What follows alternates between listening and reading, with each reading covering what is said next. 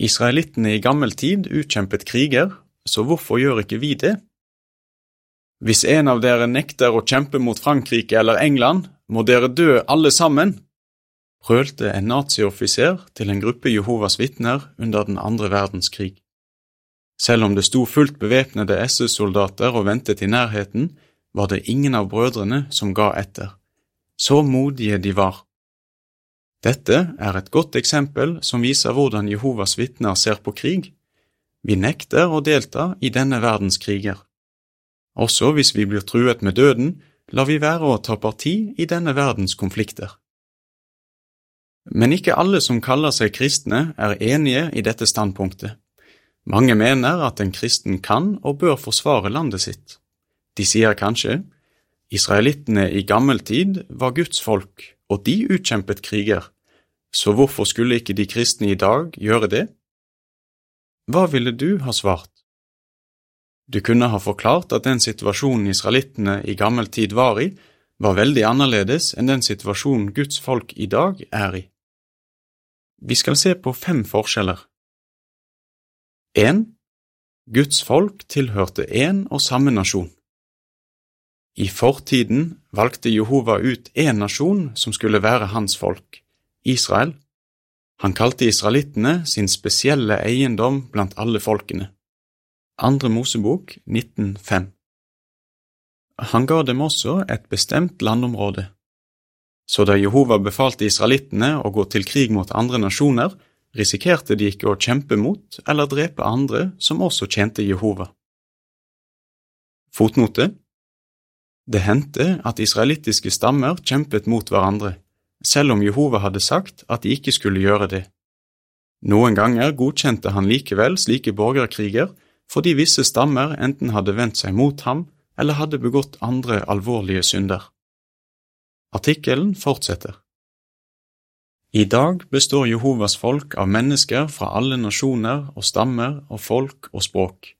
Åpenbaringen 7.9 hvis de deltok i krig, kunne de komme til å kjempe mot og til og med drepe trosfellene sine. 2. Det var Jehova som befalte israelittene å gå til krig. I fortiden bestemte Jehova når og hvorfor israelittene skulle gå til krig. Jehova ga for eksempel israelittene i oppdrag å fullbyrde hans dom over kananeerne, som drev med demondyrkelse, grov seksuell umoral og barneofringer.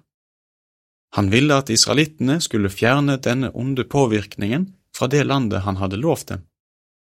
Etter at israelittene hadde bosatt seg i det lovte land, hendte det at Jehova sa at de skulle gå til krig for å beskytte Israel mot undertrykkende fiender. Men Jehova lot aldri israelittene selv bestemme om de skulle gå til krig. Når de likevel gjorde det, fikk det ofte katastrofale følger. I dag gir ikke Jehova mennesker befaling om å gå til krig. Mennesker kjemper for sine egne interesser, ikke for Guds. De går kanskje til krig fordi de vil ha mer landområde.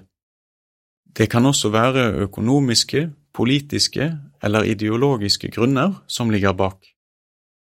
Men hva med dem som sier at de kjemper i Guds navn for å forsvare religionen sin eller drepe Guds fiender? Jehova skal beskytte dem som tilber ham, og utrydde fiendene sine i en krig i framtiden, i Harmageddon-krigen.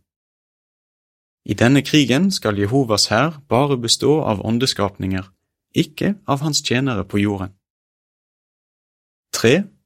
Israelittene drepte ikke dem som viste tro på Jehova. I fortiden viste Israels hær ofte barmhjertighet mot dem som trodde på Jehova. De drepte bare dem som Jehova mente skulle dø. To eksempler på dette er Rahab og gibionittene. Selv om Jehova hadde bestemt at Jeriko skulle ødelegges, lot israelittene Rahab og familien hennes overleve på grunn av hennes tro. Senere ble hele byen Gibeon spart fordi gibionittene viste respekt for Jehova. I dag tar ikke nasjoner som er i krig, hensyn til om folk tror på Gud eller ikke. De dreper også uskyldige sivile. 4. Israelittene måtte følge Guds regler for krigføring. I fortiden krevde Jehova at de israelittiske soldatene fulgte hans regler for krigføring. Det hendte for eksempel at han ba dem om å først kunngjøre fredsbetingelsene for en by de skulle kjempe mot. Femte Mosebok 2010 Jehova forventet også at den israelittiske hæren holdt seg selv og leiren fysisk og moralsk ren. Det var ikke uvanlig at soldater fra nabofolkene voldtok kvinner fra de områdene de hadde erobret, men Jehova forbød israelittene å gjøre noe slikt. De kunne faktisk ikke gifte seg med en kvinne som var tatt til fange, før det hadde gått en måned etter at byen var erobret. I dag har de fleste land underskrevet internasjonale avtaler som forplikter dem til å følge visse regler i krig. Hensikten med disse reglene er å beskytte sivilbefolkningen, men dessverre blir de ofte brutt. 5. Jehova kjempet for sitt folk. I fortiden kjempet Jehova for israelittene. Ofte ga han dem mirakuløse seire.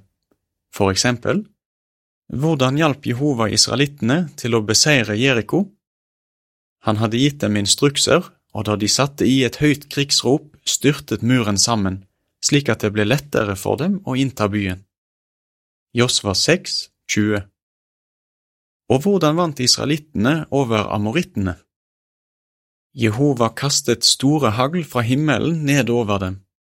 Det var faktisk flere som ble drept av haglet enn av israelittenes sverd. Josva 10, 6–11 I dag kjemper ikke Jehova for noen nasjon på jorden. Hans rike, med Jesus som konge, er ikke en del av denne verden. Johannes 18, 36 Det er Satan som har myndighet over alle regjeringer på jorden. Verdens grusomme kriger gjenspeiler hans onde personlighet. De sanne kristne skaper fred som vi har sett, er det store forskjeller mellom den situasjonen vi er i og den israelittene var i. Men disse forskjellene er ikke de eneste grunnene til at vi ikke går i krig. Jehova har for eksempel forutsagt om dem som i de siste dager blir undervist av ham, de skal ikke lenger lære å føre krig. Jesaja 2, 2–4 Da vil de selvfølgelig heller ikke delta i krig. Dessuten sa Jesus at disiplene hans ikke skulle være en del av verden. Johannes 15, 19 De skulle altså la være å ta parti i denne verdens konflikter. Jesus oppfordret også disiplene sine til å gjøre noe mer. Han sa at de skulle kvitte seg med de holdningene som fører til bitterhet, sinne og krig. I tillegg sa han at de skulle være slike som skaper fred og at de skulle elske sine fiender. Matteus 5,9 Hvordan berører dette oss personlig? Vi har sannsynligvis ikke noe ønske om å gå i krig. Men kan det være at vi har negative følelser for noen i menigheten, noe som kunne føre til konflikter og splittelse? La oss fortsette å gjøre alt vi kan for å kvitte oss med slike følelser. Vi deltar ikke i nasjonenes kriger, i stedet går vi inn for å ha fred blant oss og styrke kjærligheten til hverandre. Mens vi venter på at Jehova skal gjøre slutt på all krig, vil vi fortsette å være nøytrale. Til denne artikkelen hører det tre bilder. På det første bildet ser vi at kong Asa rir på en hest og leder soldatene sine ut i kamp. På det andre bildet ser vi at Jerikos murer styrter sammen etter at Josva har befalt israelittene å rope og prestene å blåse i hornene. Bildetekst Kjemper Jehova for noe folk i dag, slik han kjempet for Israel i forbindelse med Jeriko? På det tredje bildet ser vi at Rahab holder rundt et eldre familiemedlem mens de går bort fra den ødelagte byen Jeriko. Bildetekst Rahab og familien hennes fikk overleve Jehovas krig mot Jeriko fordi hun trodde på Jehova. Blir det tatt slike hensyn i vår tids kriger? Artikkelen slutter her. Du kan finne mer informasjon på vårt nettsted jw.org. Innlesningen slutter her.